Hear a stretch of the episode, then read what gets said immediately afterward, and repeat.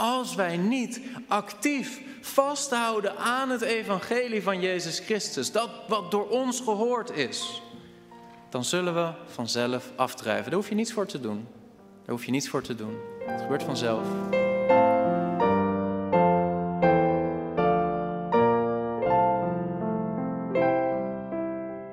Hebreeën hoofdstuk 2 vanaf vers 1. Daarom moeten wij ons te meer houden aan wat door ons gehoord is, opdat wij niet op enig moment afdrijven.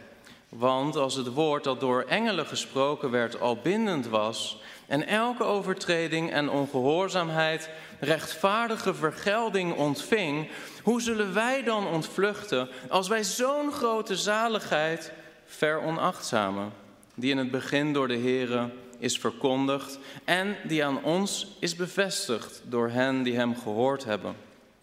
God heeft er bovendien mede getuigenis aan gegeven door tekenen, wonderen en allerlei krachten en gaven van de Heilige Geest overeenkomstig zijn wil. Amen. Laten we samen gaan staan en deze boodschap in de handen van de Heer leggen. Vader, we komen zo tot u in de naam van uw Zoon Jezus Christus, Heer. In zwakheid, Heer, wederom beleidend, Heer, dat wij het slechts te verwachten hebben van u, Heer Jezus. U die toen een jongetje naar u toe kwam met een paar broden en een paar vissen, u die het brak en op een bovennatuurlijke wijze dat gebruikte om een menigte te voeden, Heer. Heer, zo komen we ook tot u, zo kom ik tot u in zwakheid, Heer, met het weinige wat ik heb, Heer, en zelfs dat heb ik van u ontvangen. Wilt u het in uw handen nemen, Heer Jezus? Wilt u het breken? Wilt u geven dat het mijn broeders en zusters mag versterken in hun relatie met u, in hun geloofsleven? En dat het vrucht mag dragen. Tot eer van uw naam alleen, Heer Jezus. Amen. Gaat u zitten.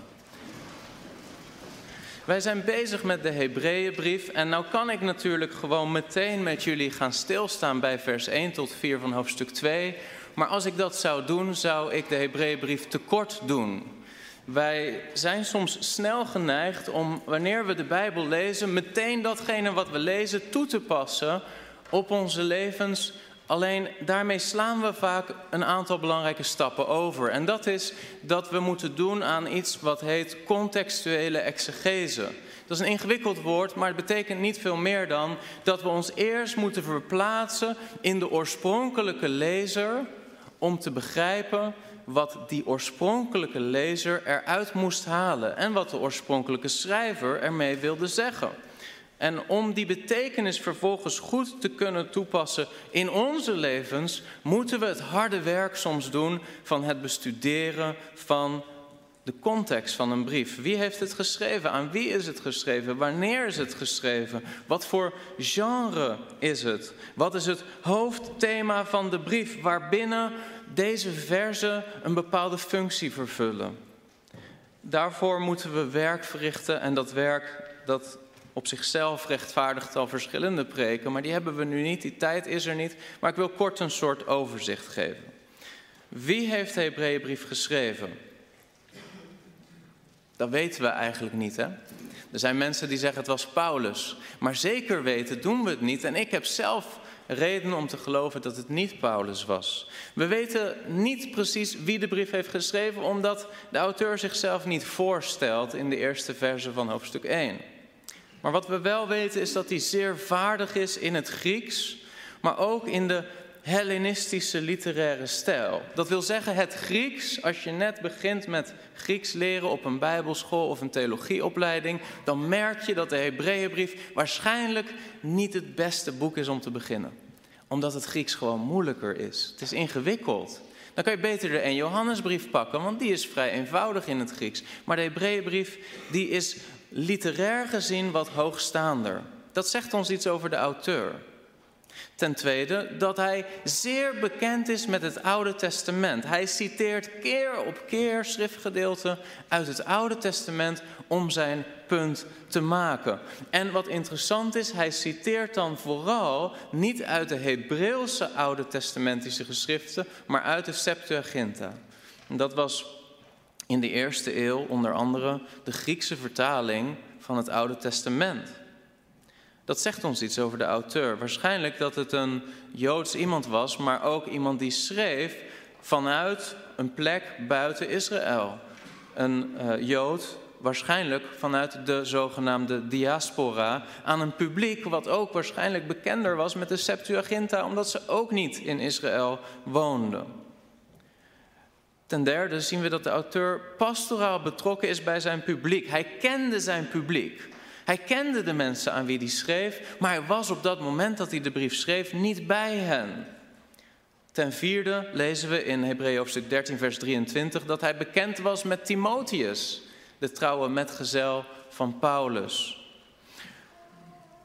Aan wie is de brief geschreven? Dat is een volgende vraag die ook belangrijk is. Hij is geschreven aan een lokale gemeente van Joodse christenen. Van Joodse christenen. Waarschijnlijk bestaande uit overwegend tot het christendom bekeerde Joden, maar waarschijnlijk ook gedeeltelijk bestaande uit onbekeerde Joden. Joden die nog twijfelden of dat Jezus de Messias was. Joden die eigenlijk nog over de streep moesten komen ten aanzien van het beleiden van Jezus Christus als Messias. En er zat natuurlijk ook een groep ergens tussenin. Ergens geloofden ze wel dat Jezus de Messias was, maar ze twijfelden. En zoals dat ook is, bijvoorbeeld in onze Roemeense kerk, dan zie je dat er mensen komen, allereerst omdat ze overtuigd, christen zijn. Ze zijn opnieuw geboren en ze willen komen om christelijke gemeenschap te ervaren met elkaar, om het woord te horen, om te dienen. Maar je hebt ook Roemenen die komen omdat er andere Roemenen zitten, omdat ze dat culturele opzoeken met elkaar. Wanneer wij eens in de twee weken met elkaar eten, dan merk je dat er wat meer mensen komen soms. En dat is dan soms omdat ze goede motieven hebben en ze willen het woord van God gepredikt horen, maar soms zijn ze er ook ja, omdat ze van Roemeense sarmale houden. Sarmale is een van de feestgerechten in Roemenië. En als ze eenmaal weten, hé, daar komen Roemenen samen en die eten dan na de dienst. En er is iemand die maakt mama er is iemand die maakt sarmale, er maakt iemand ardeum ploets, gevulde paprika's. Allemaal Roemeense gerechten, die best wel veel tijd kosten om te maken. Het is geen boerenkool met worst, hè? dat zijn feestgerechten. Als ze weten dat dat er is, dan komen ze en zeggen: Wat een geweldige samenkomst van de fijne dienst. Maar veel van hen zullen er misschien ook zitten van: Nou ja, even de preek overleven, even de liederen doorkomen, even dat gebed en dan komt het eten samen. Dat heb je ook. Dat is een soort cultureel, een soort culturele verbinding en dan wordt het christendom wordt meer een soort bijzaak. En zoiets zal waarschijnlijk ook in deze gemeenschap waaraan de brief aan de Hebreeën geschreven is, gespeeld hebben. Het waren, geloof ik, Joodse christenen in Italië. Dat weet ik niet zeker, maar dat denk ik. Waarom? Omdat Hebreeën 13, vers 24, daar staat... Groet uw voorgangers en al de heiligen, de broeders uit Italië groeten u. waarom zegt hij dat? De broeders uit Italië groeten u.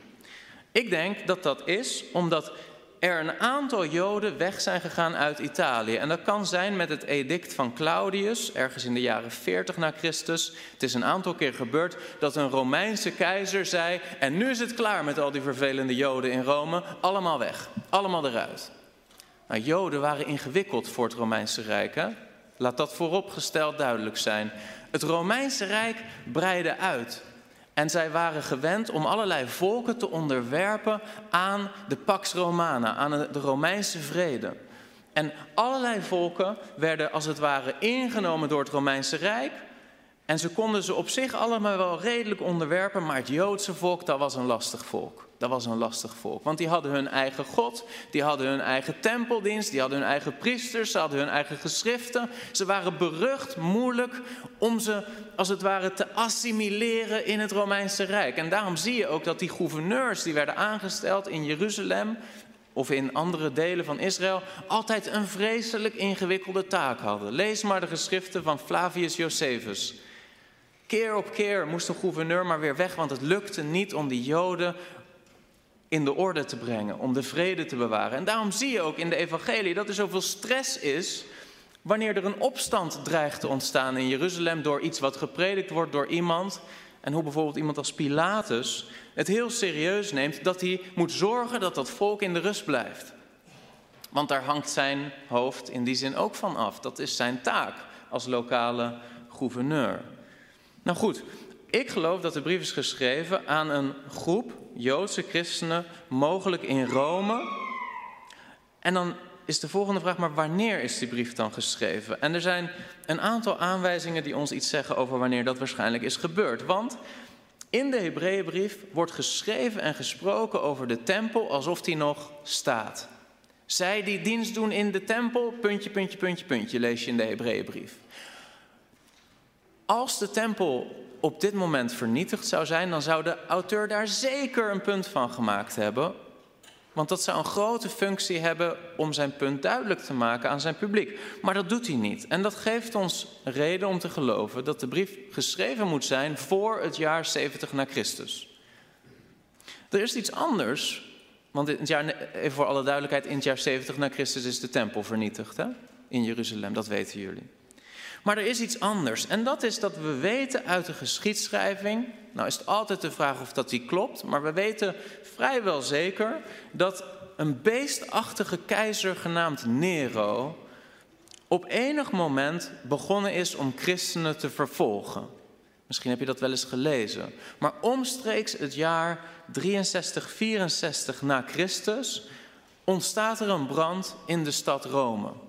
En de keizer op dat moment, Nero, geeft de schuld aan de christenen. Zegt het zijn de christenen die de stad in brand hebben gestoken.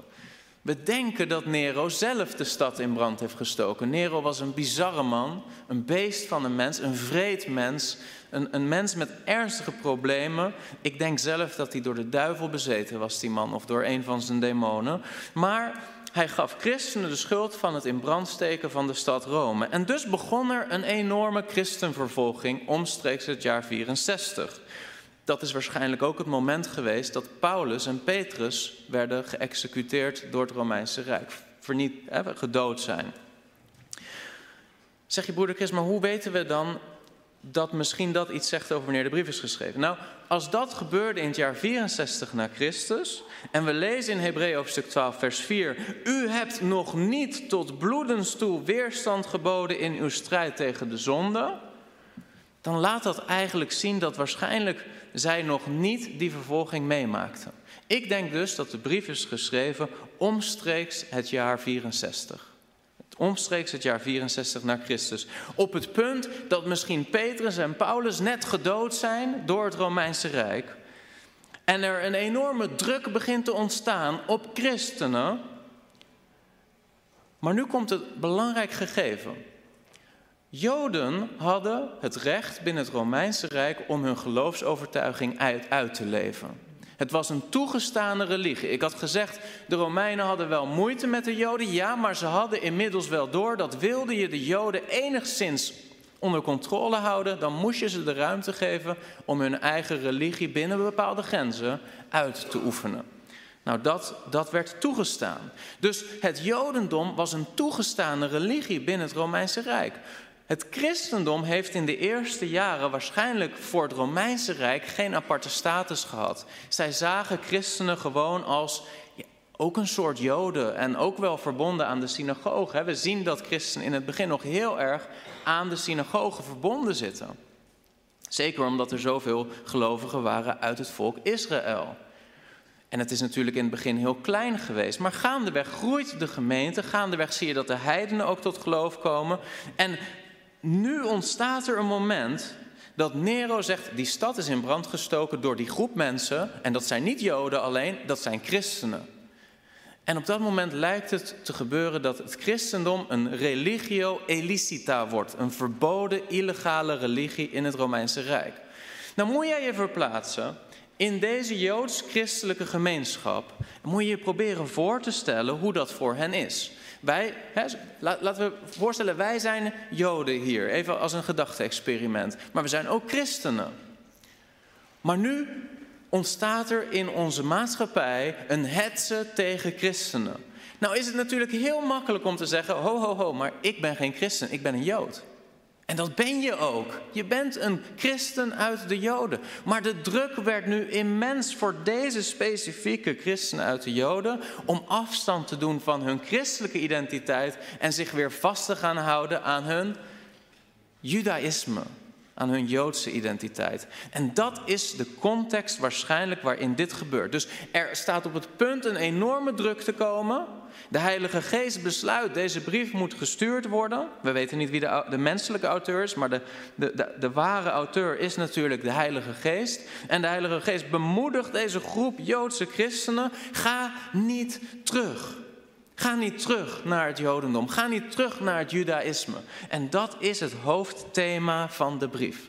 Nou, ook zonder dit verhaal, ook zonder deze context van de situatie in het Romeinse Rijk, was natuurlijk de druk op de Joodse christen om terug te keren tot het Jodendom immens. Immens. Want wat zei de Heer Jezus? Sommigen in een gezin zullen mij volgen, zullen tot geloof komen, maar sommigen niet. En er zal als het ware een zwaard gaan door een gezin. Het gezin zal verdeeld raken. Dat zei hij tegen Joden. En de reden daarvoor is dat, en dat is net als met moslims die tot Christus komen, op het moment dat je als Joodse jongen in een gezin tot de overtuiging komt, Jezus is de Messias, wat gebeurt er dan met de relaties met je gezinsgenoten die dat niet geloven? Er ontstaat een splitsing. En dit brak gezinnen op. Er was een enorme druk vanuit, kun je voorstellen, ouders naar hun kinderen die tot Christus kwamen. Kom toch terug. Kom toch terug tot Mozes. Kom terug tot het Jodendom. Kom terug tot de tempeldienst, het huis van God. Kom terug tot de oud-testamentische geschriften waarvan we weten dat ze van God zijn. Volg toch niet die Jezus en die speculatie over of dat hij dan al dan niet Messias zou zijn. Dus er is een druk van uit je eigen familie om Jezus terug toe te keren. Er is een druk inmiddels vanuit het Romeinse Rijk om Jezus terug toe te keren. Van alle kanten uit is er een druk. En wat moest de Joodse christen doen om Jezus de rug toe te keren? Wat moest hij doen om weer terug te gaan? Niet heel veel meer dan een offer brengen in de tempel. Terug naar de tempel in Jeruzalem. En middels een korbaan, een offer, opnieuw beleiden: ik ben onderdeel van dit judaïstisch ceremonieel systeem. Ik stel mijn vertrouwen niet langer op dat verondersteld volmaakte offer van Jezus Christus. Maar ik breng een dierlijk offer om daarmee opnieuw aan te geven, ik hoor weer bij het Judaïsme. En dat is de context. Het was zo makkelijk voor hen om eigenlijk te ontsnappen aan de druk vanuit hun gezin en de druk vanuit het Romeinse Rijk. Het enige wat ze moesten doen is een offer brengen en opnieuw aangeven, ik hoor bij het Judaïsme. En daarom is het zo dat de Heilige Geest in de brief keer op keer op keer zegt: doe het niet. Christus is meer dan Mozes. Het nieuwe verbond is meer dan het oude verbond. Hij is de ware tempel. Wij zijn het ware huis van God. Hij is meer dan de engelen, de zoon is meer dan de engelen. Hij is meer dan Mozes. Hij is als hoge priester meer dan de judaïstische hoge priesters. Zijn offer is volmaakter dan alle offers die gebracht worden in de tempel. Hij is de ware tabernakel. Keer op keer zie je dat de Heilige Geest door de brief dit punt probeert te maken. En ik hoop dat je een beetje ziet wat het doel is. Tuurlijk was het makkelijk voor familieleden, niet-gelovige, niet-christelijke Joodse familieleden, om te zeggen: Maar we weten van Mozes zeker dat hij van God was. We weten van Jezaja, we weten van Elia, we weten van Jeremia zeker dat ze van God waren. Maar die Jezus, dat weten we niet zeker. Die Jezus, dat is toch iemand die een splitsing brengt met het oude verbond. Zou je hem nou wel moeten volgen? Kom toch terug naar dat wat zeker is. Kom toch terug naar de tempel. Kom terug naar het huis van God. Begrijp je hoe groot de druk is? Begrijp je hoe makkelijk het zou kunnen zijn als je toch al denkt: ik wil niet vervolgd worden, om voor jezelf dan excuses te gaan verzinnen om inderdaad Jezus de rug toe te keren? Zie je de verleiding? Zie je de druk? En daarom is het belangrijk om dit allemaal te begrijpen voordat je het toepast op je eigen leven. Want we kunnen het wel toepassen op ons eigen leven, maar we moeten iets begrijpen van deze specifieke situatie waar deze mensen zich in bevinden. En dan is dit gedeelte wat wij lezen, vers 1 tot 4, is het eerste van vijf verschillende waarschuwingspassages in de brief. Om niet Jezus Christus de rug toe te keren, om niet terug te gaan naar het oude verbond. We vinden zulke waarschuwingen allereerst dus in hoofdstuk 2, maar ook in hoofdstuk 4, hoofdstuk 6, hoofdstuk 10, hoofdstuk 12. Eigenlijk heel gelijkmatig verdeeld door de brief. Het is net alsof de auteur even een punt maakt om te laten zien hoe heerlijk Jezus is vergeleken met iets uit het oude verbond. En vervolgens weer zegt: Doe het niet. Want Jezus is meer dan. Dus doe het niet. Want Jezus is meer dan. Dus doe het niet. Steeds opnieuw persevereert de Heilige Geest in deze waarschuwing: Doe het niet. En dan komen we bij deze verse. En wat heeft de auteur gedaan in de verse hiervoor? Want het ingewikkeld is als we bij vers 1 starten van hoofdstuk 2, dan staat er: Daarom moeten wij ons te meer houden aan wat door ons gehoord is. Maar als de Bijbel zegt daarom, dan moeten wij altijd de vraag stellen: waarom? En dat is natuurlijk ons verteld in de voorgaande versen. Nou, wat is dan het antwoord op die waarom? En het antwoord is, als je goed kijkt, dat in hoofdstuk 1 de auteur het punt maakt dat Jezus meer is dan de engelen. Dat de zoon meer is dan de engelen. Zeg je, waarom is dat nou zo belangrijk? Nou, allereerst laat hij zien in de eerste twee versen, of de eerste drie versen, dat de Zoon God is. Er staat nadat God voorheen vele malen en op vele wijzen tot de vaderen gesproken had door de profeten, heeft Hij in deze laatste dagen tot ons gesproken door de Zoon die Hij erfgenaam gemaakt heeft van alles, door wie Hij ook de wereld gemaakt heeft. Zie je, de Zoon is schepper van de wereld. Vers 3, Hij die de afstraling van Gods heerlijkheid is en de afdruk van Zijn zelfstandigheid, die alle dingen draagt door Zijn krachtig woord heeft, nadat hij de reiniging van onze zonde door zichzelf tot stand had gebracht, zich gezet aan de rechterhand van de majesteit in de hoogste hemelen. Dus hij zet meteen de zoon van God neer als heerlijker dan de engelen en als zijnde God zelf. De afstraling van Gods heerlijkheid. De afdruk van zijn wezen. Maar dan gaat hij door en dan zegt hij met vijf verschillende um, elementen dat Jezus als de zoon meer is dan de engelen. Hij is meer vanwege de naam die hij heeft ontvangen als de zoon, want geen van de engelen wordt door God zoon genoemd. Hij is meer vanwege het feit dat hij aanbidding ontvangt, terwijl engelen geen aanbidding ontvangen.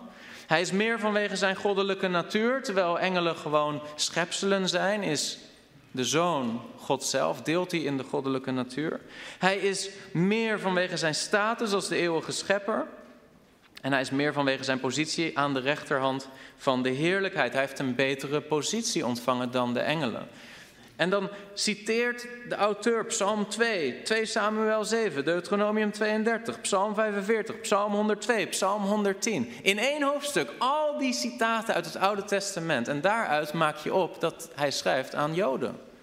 Want dit gaat zo door en door en door in de brief. Continu citeert hij schriftgedeelten die voor zijn Joodse publiek bekend moeten zijn. En dan staat er daarom, vers 1, en nu komen we bij onze tekst. Daarom moeten wij ons te meer houden aan wat door ons gehoord is, opdat wij niet op enig moment afdrijven. Wat is dan de daarom? De daarom is omdat de zoon zo oneindig veel meer is dan de engelen, moeten wij ons te meer houden aan dat wat wij gehoord hebben. Waarom? Omdat de Joden geloofden, en dat is ook zo, dat zien we in de schrift, dat het oude verbond en de wet was gegeven door bemiddeling van engelen. En dat was een van de argumenten om terug te keren tot het Jodendom. Kom terug tot het Jodendom, want is de wet ons niet gegeven op een bovennatuurlijke manier door bemiddeling van engelen? En deze Jezus, ja, we weten niet wie hij is en of dat we hem moeten geloven. Dus het feit dat de wet en het oude verbond was gegeven door bemiddeling van engelen, en dat lezen we overigens ook dat Stefanus dat zegt hè, tegen de Joden wanneer hij gestenigd gaat worden, dan zegt hij, u die de wet hebt ontvangen door bemiddeling van engelen. De wet is gegeven natuurlijk via Mozes, maar via bemiddeling van engelen, op een bovennatuurlijke manier. Maar dan zegt de auteur, ja, de wet is gegeven door bemiddeling van engelen. Maar dan gaat hij niet zeggen, maar Jezus is ook gekomen met de bemoeienis van allerlei engelen. Dat doet hij niet. Dan zegt hij, nee, nee, nee, de zoon is meer dan de engelen. En omdat het nieuwe verbond is gegeven door de Zoon, waar het oude verbond is gegeven door bemiddeling van engelen, moeten wij ons des te meer houden aan datgene wat door ons gehoord is. Datgene wat door ons gehoord is. Wat is datgene wat door ons gehoord is? Voordat we daar naar kijken, staat moeten wij ons te meer. Te meer, er staat in het Grieks, dat is een hoeveelheid die veel groter is dan een normale hoeveelheid. Overvloedig moeten wij ons houden aan wat door ons gehoord is. In extreme mate, een zeer grote hoeveelheid, overstijgend, te meer. Je noemt dit een argumentum a fortiori, van het zwakkere naar het sterkere. Als wij serieus moesten achtslaan op het verbond wat gegeven werd door bemiddeling van engelen, hoeveel te meer wanneer tot ons gesproken is door God, door de Zoon. Hoeveel te meer. En wat moeten we dan doen? Wij moeten ons houden aan wat door ons gehoord is. Nou, we zullen straks zien in vers 3 dat datgene wat door ons gehoord is, spreekt over het evangelie. Zo'n grote zaligheid. Het evangelie van Jezus Christus, het nieuwe verbond. Onze beleidenis, zo wordt het genoemd in de Hebreeënbrief. Maar het gaat om de christelijke nieuwtestamentische geloofsbeleidenis van het evangelie van Jezus Christus. Het gaat om het nieuwe verbond. En dan staat er, wij moeten ons te meer houden aan wat door ons gehoord is. En daar kan je ook vertalen als, wij moeten ons concentreren op datgene wat door ons gehoord is. We moeten het vasthouden. We moeten er als het ware op gefixeerd zijn. We moeten een anker nemen en dat erin slaan en zorgen dat we het niet meer loslaten. Dat is het, dat is het woord wat hier gebruikt wordt. Want er zegt hij erachteraan, opdat wij niet op enig moment afdrijven. En dat woord in het Grieks voor afdrijven, dat is ook echt een, een scheepsterm. Het gaat om een boot. Je moet je voorstellen, je bent met een groot schip en je wilt aanleggen in een haven en dan wordt er een anker uitgelegd. Want op het moment dat je dat anker niet uitlegt, dan weet je dat de boot door de stroming weg zal worden gevoerd uit de haven. En wat de auteur zegt, wat de Heilige Geest hier zegt, is: je moet je anker slaan in datgene wat door jou gehoord is. Want als je dat niet doet, dan kan het zijn dat je op enig moment afdrijft. Zoals die boot die niet vast ligt, die niet bevestigd is in de haven. Allebei die woorden in het Grieks, zowel het woord voor vasthouden aan als het woord voor afdrijven, zijn woorden die passen bij dat beeld. En we zien ook later in de Hebreeënbrief dat de schrijver soms um, ja, scheepsvaarttaal gebruikt om zijn punt duidelijk te maken. Hè? Bekend is Hebreeën 6, vers 19. Er staat over het evangelie, deze hoop hebben wij als een anker voor de ziel. Let op, een anker. Dat is scheepstaal. Een anker voor de ziel, dat vast en onwrikbaar is en reikt tot in het binnenste heiligdom, achter het voorhangsel. Daar is de voorloper voor ons binnengegaan, namelijk Jezus. En de voorloper kan ook weer zo'n term zijn, hè? van een klein bootje wat als het ware voor een groot schip uit een haven ingaat om het anker vast in de haven neer te leggen. Allemaal scheepstaal. Maar los van dat beeld van scheepstaal, het is belangrijk om dit te zien. De auteur zegt dit: als je niet je anker in dat evangelie gooit, als je niet vasthoudt, als je niet concentreert op datgene wat wij gehoord hebben, dan zul je op enig moment afdrijven. Er zijn twee opties: vasthouden of afdrijven. Dat zijn de twee. Er zijn geen andere opties. Het is niet van, ja, ik hou niet echt heel erg vast aan het evangelie. Hè. Tuurlijk, ga wel naar de kerk, hou er niet heel erg aan vast, maar um, ja, ik ga ook niet afdrijven of zo. Dat bestaat niet. Het is of je zit er helemaal aan vast en je bent gecommitteerd aan de boodschap van het evangelie van het Nieuwe Testament, of je drijft af. Broeder Chris, waarom? Moet dat nou zo zwart-wit zijn? Moet dat nou zo radicaal? Waarom? Dat is omdat er bepaalde krachten zijn in het water. Bepaalde stromen die er altijd op gericht zullen zijn om jou af te drijven van het evangelie. Om jou weg te halen uit de veilige haven waar je ziel behouden is. Welke krachten zijn dat? Nou, als je kijkt naar de gelijkenis van de zaaier in Matthäus hoofdstuk 13, vanaf vers 19, daar zie je, en dat kennen jullie allemaal, dat de Heer Jezus waarschuwt voor bepaalde krachten die ervoor zorgen dat het woord van God niet die plek krijgt in het hart van de mens die het zou moeten innemen. En dus geen vrucht draagt. En welke krachten zijn dat? Hij zegt, als iemand het woord van het koninkrijk hoort en hij begrijpt het niet, dan komt de boze en rukt weg wat uit zijn hart gezaaid was. De duivel.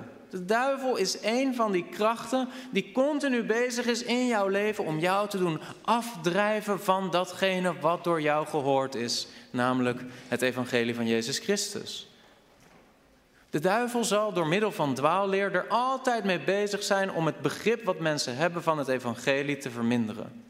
En mensen begrijpen het niet. Mensen begrijpen het evangelie niet, omdat de duivel bezig is om het te verwarren, om met dwaalleer het te verstrooien. En natuurlijk, je kan nog steeds dezelfde termen hanteren, maar de diepe basiswaarheid van het evangelie, daar zal de duivel je altijd van proberen af te doen drijven. Maar niet alleen de duivel, er staat ook dat er mensen zijn die steenachtige grond hebben als hart. Ze horen het woord en ze ontvangen het meteen met vreugde, maar hebben geen wortel in zichzelf. Het zijn mensen van het ogenblik en als er, let op, verdrukking of vervolging komt omwille van het woord, struikelen ze meteen. Verdrukking of vervolging. Wat vertelde ik wat er gebeurt in de Hebreeënbrief? Mensen die onder druk komen te staan door vervolging, door verdrukking. Dat is een kracht die buiten ons staat. Het is niet alleen de duivel, het is ook in de samenleving kan het zijn dat er krachten zijn die jou weg zullen doen drijven van het evangelie als je daar niet actief aan vasthoudt. Maar niet alleen dat, het is niet alleen maar de duivel, het is niet alleen maar de samenleving of de krachten van buitenaf, maar er is nog een misschien nog wel veel gevaarlijkere stroming die jou weg wil brengen van het evangelie. En dat is, lezen we in Matthäus 13, vers 22. Bij wie het in dorens gezaaid is, dat is hij die het woord hoort, maar de zorgen van deze wereld en de verleiding van de rijkdom verstikken het woord en het wordt onvruchtbaar. Wat is dat? Dat zijn de krachten die binnen in je eigen hart zijn. De zorgen, je ambities, je eigen persoonlijke verlangens, je eigen, je eigen begeerten. Er staat hier de verleiding van de rijkdom. Een kracht van binnenin die erop gericht zal zijn om jou te doen afdrijven van de veilige haven van het evangelie van Jezus Christus. Dus, samenvattend, als wij niet actief vasthouden aan het evangelie van Jezus Christus, dat wat door ons gehoord is, dan zullen we vanzelf afdrijven. Daar hoef je niets voor te doen. Daar hoef je niets voor te doen. Het gebeurt vanzelf. Dus dat is misschien al wel een soort eerste toepassing. Kijk eens naar jezelf. Ben jij actief bezig om het evangelie van Jezus Christus vast te houden? Ik geloof dat wij soms onderschatten wat we hebben, mensen. Ik geloof echt dat we soms onderschatten wat wij ontvangen hebben in het evangelie van Jezus Christus. Maar daar komen we zo, want dan gaan we naar vers 2.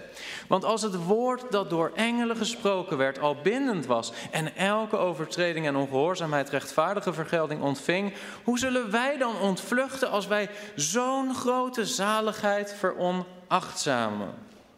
Die in het begin door de Heer, dat wil zeggen de Zoon, door de Heer Jezus, is verkondigd en die aan ons bevestigd is door hen die Hem gehoord hebben.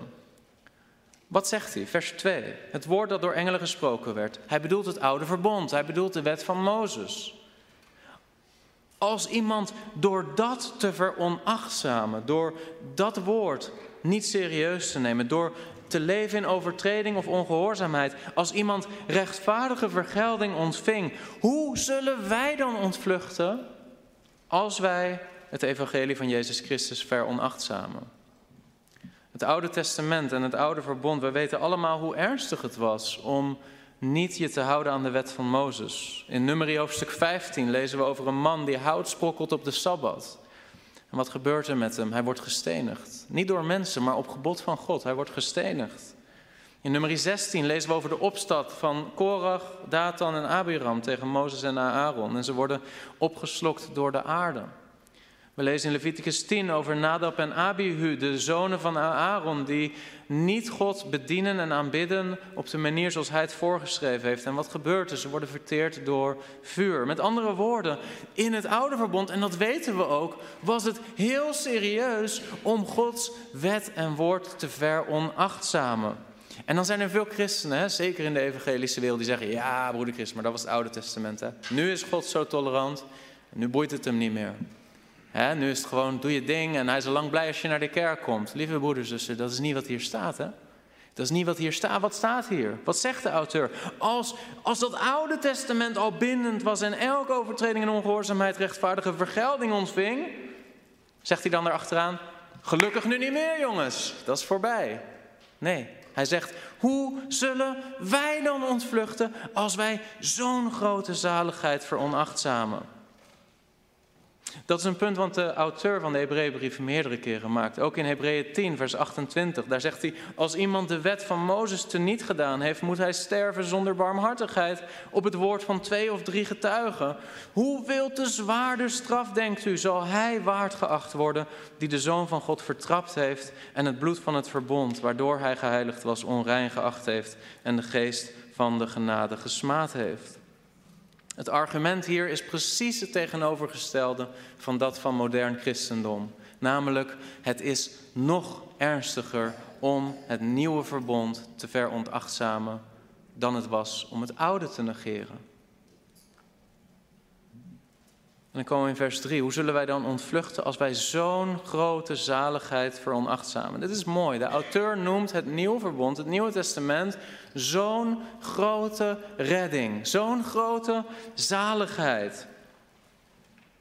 Er is ehm, een predikant, zijn naam is Martin Lloyd Jones. Jullie kennen hem misschien wel. Hij leeft nu niet meer, maar het was een van de meest begiftigde predikanten uit de 20e eeuw in Engeland.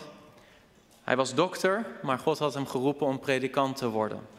En ook hij heeft gesproken over deze tekst en over deze versen. En over die zo grote zaligheid. En dan, hij zei dit, hij zei, weet je, paracetamol, dat is heel goedkoop. En paracetamol, ja, dat zien we niet als een enorm kostbaar iets. Het doet wel iets, het helpt ons wel voor een hoofdpijn of ergens een kiespijn of iets anders.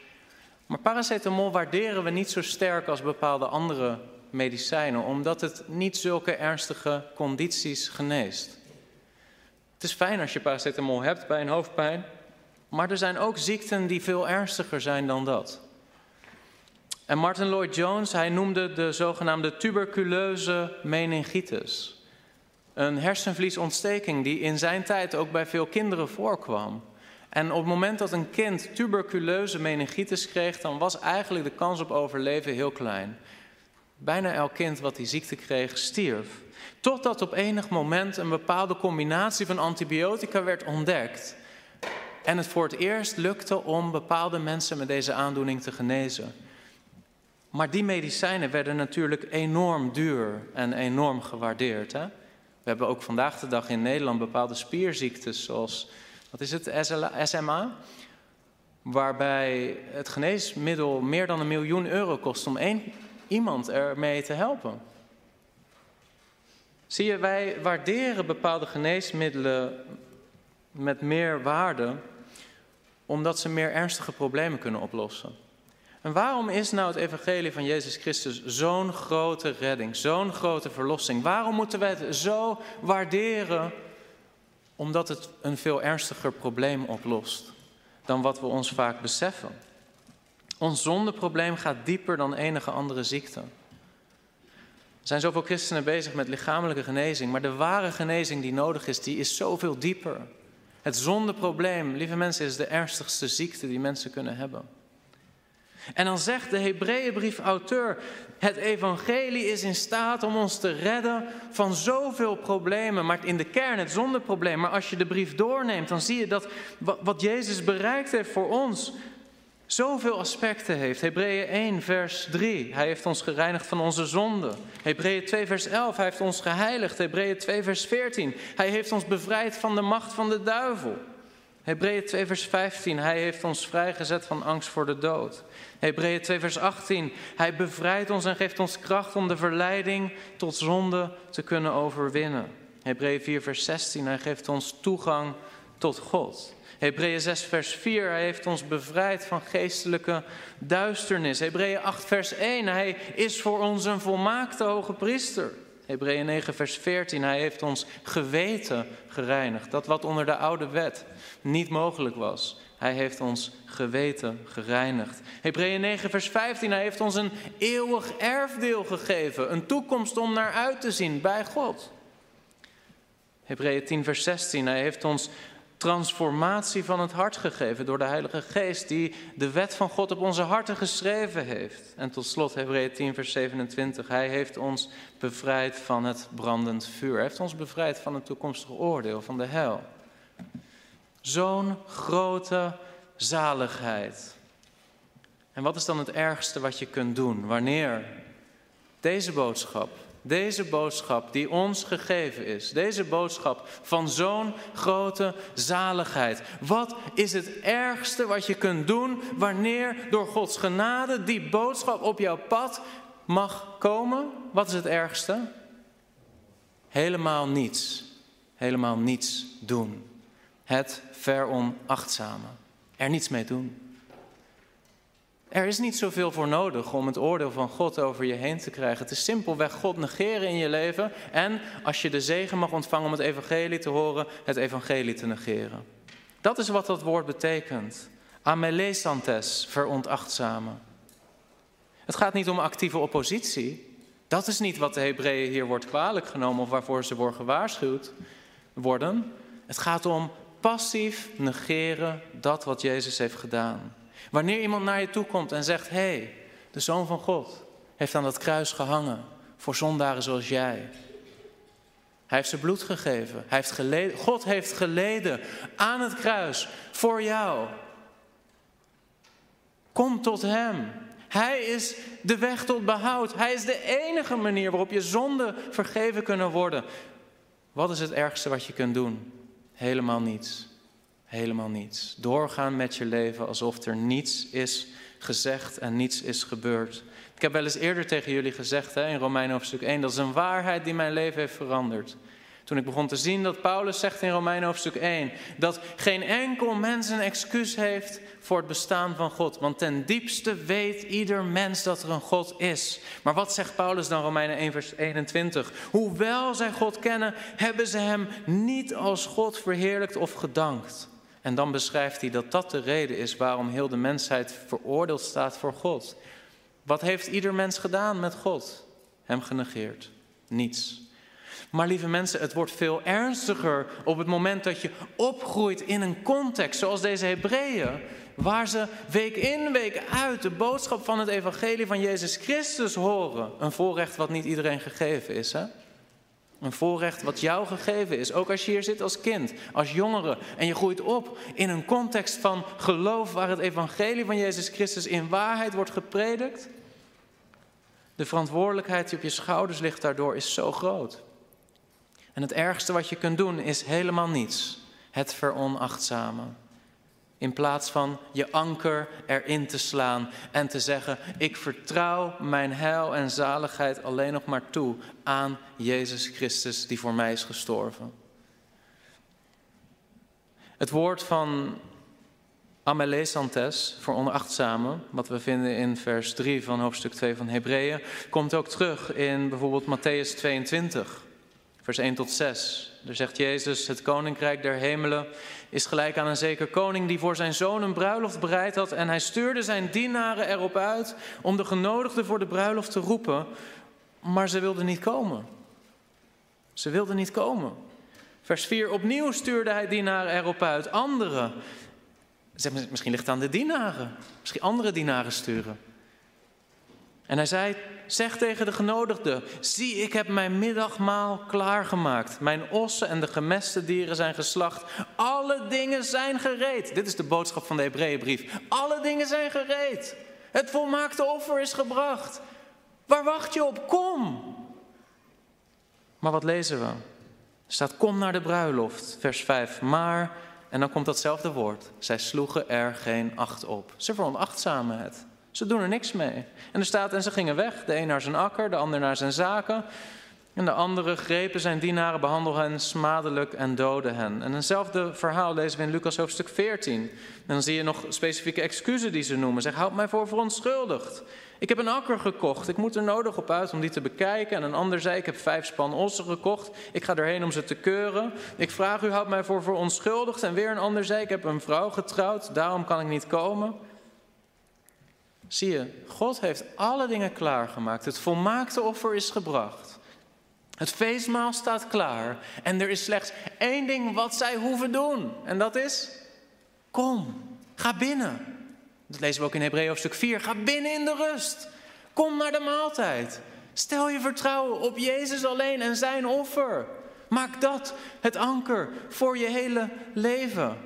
Zeggen zij, nou, ik zal er nog eens over nadenken. Lieve mensen, dat is het veronachtzamen van het evangelie. En misschien herken je dit wel. Ik vertelde net, er zaten in die Hebreeën gemeente Joodse christenen, maar ook mensen die op de wip zaten. Zal ik wel of zal ik niet? Of ga ik terug naar het oude?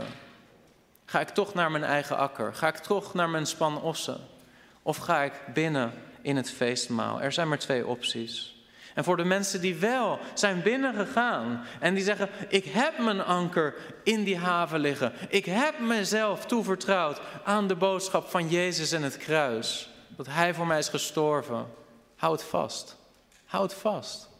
Besef wat je hebt, lieve mensen. Besef wat je hebt. Ik verbaas me erover vandaag de dag om te zien hoeveel christenen er zijn die dan misschien week in, week uit geconfronteerd zijn geworden met het evangelie. En dan op een gegeven moment kan je hart mat worden ervoor. Het kan afstompen. En je begint niet meer te zien wat je hebt. Je begint niet meer te zien dat dit verhaal van Jezus Christus en dien gekruisigd het beste verhaal is wat de mensheid gegeven is. Er is niets beters. En als je dan ziet hoe bepaalde christenen op een gegeven moment hun aandacht gaan geven aan soms ook oud-testamentische ceremoniële dingen. Bijvoorbeeld in de Hebrew Roots beweging. Weer gericht zijn op de feesten van, de, van het Jodendom. Of het houden van de Sabbat op zaterdag, et cetera, et cetera. Ik, ik ga daar nu geen preek over houden. En het is niet mijn doel om daarvan te zeggen, je moet het doen of je moet het niet doen. Maar het verbaast me hoeveel aandacht sommige christenen daar op een gegeven moment aan gaan besteden. Dat je bijna denkt, volgens mij zien ze het evangelie niet meer. Ze zien niet meer wat Jezus heeft gedaan voor hen. Ze zien niet meer wat God voor hen heeft gedaan. En ze gaan overwaardig aan de haal met bepaalde feesten houden, of met bepaalde rustdagen houden, of met wat het ook zij, met lichamelijke genezing. Ze zien het niet meer. Ze zien niet wat Jezus heeft gedaan op Golgotha. Ze zien niet hoe Hij heeft geleden voor hun zonde. En daarom beginnen ze langzaam hun bevrediging te zoeken in andere dingen. In andere dingen. Lieve mensen, we beseffen niet wat ons gegeven is in Jezus Christus. Dit is het verhaal van alle verhalen. En er zijn maar twee opties. Actief vasthouden aan dat getuigenis van Jezus Christus en dien gekruisigd, of afdrijven. Langzaam afdrijven. Tot slot, om het belang hiervan te benadrukken. Kijk wat de auteur zegt. Hoe zullen wij ontvluchten als wij zo'n grote zaligheid veronachtzamen. Overigens, waarvan redt het evangelie ons? In feite zegt vers 2 dat, hè? Van het oordeel wat over ons komt door de wet, door het oude verbond. Dus wanneer deze Joodse christenen zeggen, we gaan terug naar Mozes, zeggen ze eigenlijk, we gaan terug naar de wet. En we gaan daar ons vertrouwen in stellen. En de auteur zegt, maar wacht even, lieve mensen. Mozes zelf zei, ga naar Christus. Hoe kun je nu zeggen dat je naar Mozes teruggaat, terwijl Mozes zelf op een berg met Elia met hem aan het spreken is en hij straalt van heerlijkheid. En wanneer, wanneer Petrus en, en, en, en Johannes daar staan en zeggen, laten we drie tenten bouwen, Heer. één voor Mozes, één voor Elia en één voor u. En op dat moment er een stem uit de hemel komt en zegt, dit is mijn zoon. Waarom zegt hij dat op dat moment? Om aan te geven, je kunt de zoon niet in dezelfde categorie plaatsen als Mozes en Elia. Hij is veel meer, hij is veel heerlijker. Misschien heb je dat verhaal gelezen hè, van de verheerlijking op de berg. En misschien heb je in je hoofd het idee dat, ja, daar staat Mozes en die staat daar in die heerlijkheid. En Elia staat daar in die heerlijkheid. En Jezus staat daar in die heerlijkheid. En alle drie stralen ze als de zon in haar kracht, maar dat staat er niet. Wie straalt er als de zon in haar kracht? Jezus. En Mozes en Elia spreken met hem. Wat wil de Heilige Geest daarmee zeggen? Dat het hele Oude Testament, de wet en de profeten, slechts één doel hadden. En dat is om te spreken en vooruit te wijzen op Jezus. En dan heb je hem. En dan zeg je, ik ga terug naar Mozes. Ik ga terug naar Mozes, want van hem weet ik zeker dat hij van God is. En dan zegt Jezus, ik ben het niet die u veroordeelt voor de Vader, maar Mozes, op wie u uw vertrouwen gesteld heeft, die zelf zal u veroordelen. Mozes zelf zei, ga naar hem. Hoe kunnen wij dan zeggen, ik ga terug naar Mozes? Dan staat er, hoe zullen wij dan ontvluchten als wij zo'n grote zaligheid negeren, veronachtzamen, die in het begin door de Heer is verkondigd? Het is verkondigd door de Zoon van God zelf, door de Zoon. Maar niet alleen. Er staat, God heeft er bovendien mede getuigenis aan gegeven. Dan gaat het over de Vader. En dan lezen we verder, door tekenen, wonderen en allerlei krachten en gaven van de Heilige Geest. Dus we zien in deze twee versen, zien we de Vader en de Zoon en de Heilige Geest, de hele drie-eenheid van God, Gods hele wezen, die zegt, ga naar deze zaligheid. Ga naar het kruis van Christus. Stel je vertrouwen daarop. Negeer het niet langer. Dat is de plek van behoud. Dat is de plek van redding. Lieve mensen, als er alleen slechts een stem van de Vader zou hebben geklonken, zoals we zien in het Oude Testament op de berg Sinaï, en het volk beeft en zegt: Laat ons alsjeblieft deze stem niet langer horen. Mozes praat u, laat ons maar horen wat de stem zegt, maar wij kunnen er niet langer naar luisteren. Maar lieve mensen, hier lezen we dat het niet alleen de stem is van de Vader of de Zoon, maar het is de Vader, de Zoon en de Heilige Geest die getuigen van zo'n grote zaligheid. En wat is het ergste wat wij dan kunnen doen? Niets. Het veronachtzamen. Niet zien wat ons gegeven is. Ik zou zeggen, als er één ding belangrijk is in je leven, dan is het wel datgene wat zowel door de Vader als de Zoon als de Heilige Geest tegen je wordt gezegd. Dan lezen we, die in het begin door de Heer is verkondigd en die aan ons is bevestigd door hen die hem gehoord hebben. En dat hen die, hen gehoord, die hem gehoord hebben, dat spreekt over de apostelen, over de apostolische generatie. De apostelen die met de Heer Jezus gewandeld hebben in zijn aardse bediening, die, hem, die met hem optrokken vanaf het begin, die zijn woorden hoorden, die zijn wonderen zagen. Die apostelen, die hebben die boodschap na Jezus hemelvaart verkondigd. En deze gemeente is een zogenaamde tweede generatie gemeente. Het is een gemeente die het gehoord heeft via die apostelen. Maar er wordt gesproken over een verleden tijdssituatie. Het is in het begin door Jezus verkondigd. Het is vervolgens aan ons bevestigd door de apostelen, door hen die hem gehoord hebben. En vervolgens staat er, en God heeft er ook nog eens mede getuigenis aangegeven door tekenen, wonderen en allerlei krachten en gaven van de Heilige Geest, overeenkomstig zijn wil. Zie je, wat goed is om te beseffen, de auteur zegt hier niet, ja, je moet gewoon luisteren naar de stem van God die tot jou spreekt. Hè? Want God blijft tot jou spreken elke dag. Alsof openbaring van het Nieuwe Testament een soort voortstrijdend iets is. Alsof je vanavond naar je bed gaat en zegt: Heer, spreek alsjeblieft tot mij wat uw waarheid is. Dat is niet wat hier staat. Hè? Dat is niet wat hier staat. Wat hier staat is, dit is in het begin door de Heer zelf verkondigd en het is vervolgens door de apostelen verkondigd en er is toen ook getuigenis aangegeven door wonderen en tekenen en krachten en gaven van de Heilige Geest. En dat alles maakt dat je nu niets anders nodig hebt dan het woord van God. Wat bevestigd is. Het apostolisch getuigenis met het gezag van de apostelen. Zijn christenen die zeggen, ja, ik wil eerst zelf een wonder van God zien. Ik wil eerst zelf een teken zien. Ik wil eerst zelf een soort teken uit de hemel. Lieve broeder, lieve zuster, je hebt geen recht op zo'n teken. Je kunt het wel willen, maar de Bijbel zegt: dit is genoeg. Dit is genoeg. Dit getuigenis van de apostelen, dit Nieuwe Testament, deze 27 boeken zijn het apostolisch getuigenis. Wat door de Zoon zelf in het begin gepredikt is. Wat vervolgens is verkondigd door hen die hem gehoord hebben, namelijk de apostelen. En die vervolgens bevestigd zijn geweest door tekenen, wonderen, krachten en gaven van de Heilige Geest. Zeg je broeder Christ, zijn er vandaag de dag dan nog tekenen, wonderen en allerlei krachten en gaven van de Heilige Geest? Nou, als je deze tekst leest, dan kun je een heel duidelijk punt maken dat die tekenen, wonderen en krachten een specifieke functie hadden om het apostolisch getuigenis te bevestigen. En dat het ergens onverwacht zou zijn op het moment dat dat maar door zou gaan door de hele kerkgeschiedenis heen. Want wij hebben het getuigenis, wij hebben de verbondsdocumenten, we weten wat het evangelie is. Dus de functie van het medegetuigenis geven aan het evangelie is er niet meer in gelijke mate zoals in het begin. Maar dat neemt niet het argument hier weg. Wij kunnen deze geschriften niet veronachtzamen omdat God er medegetuigenis aangegeven heeft door tekenen, wonderen, krachten en gaven van de Heilige Geest, overeenkomstig zijn wil. Paulus zei ook in 2 Korinthe 12, vers 12: De tekenen van een apostel zijn onder u verricht. In al mijn volharding, in tekenen, wonderen en krachten. Hij gebruikt dezelfde woorden. De tekenen van een apostel. Het waren tekenen die bevestigden dat mensen als Petrus, mensen als Paulus, mensen als Johannes, dat ze daadwerkelijk van God waren en dat ze het gezag hadden gekregen om het evangelie te definiëren.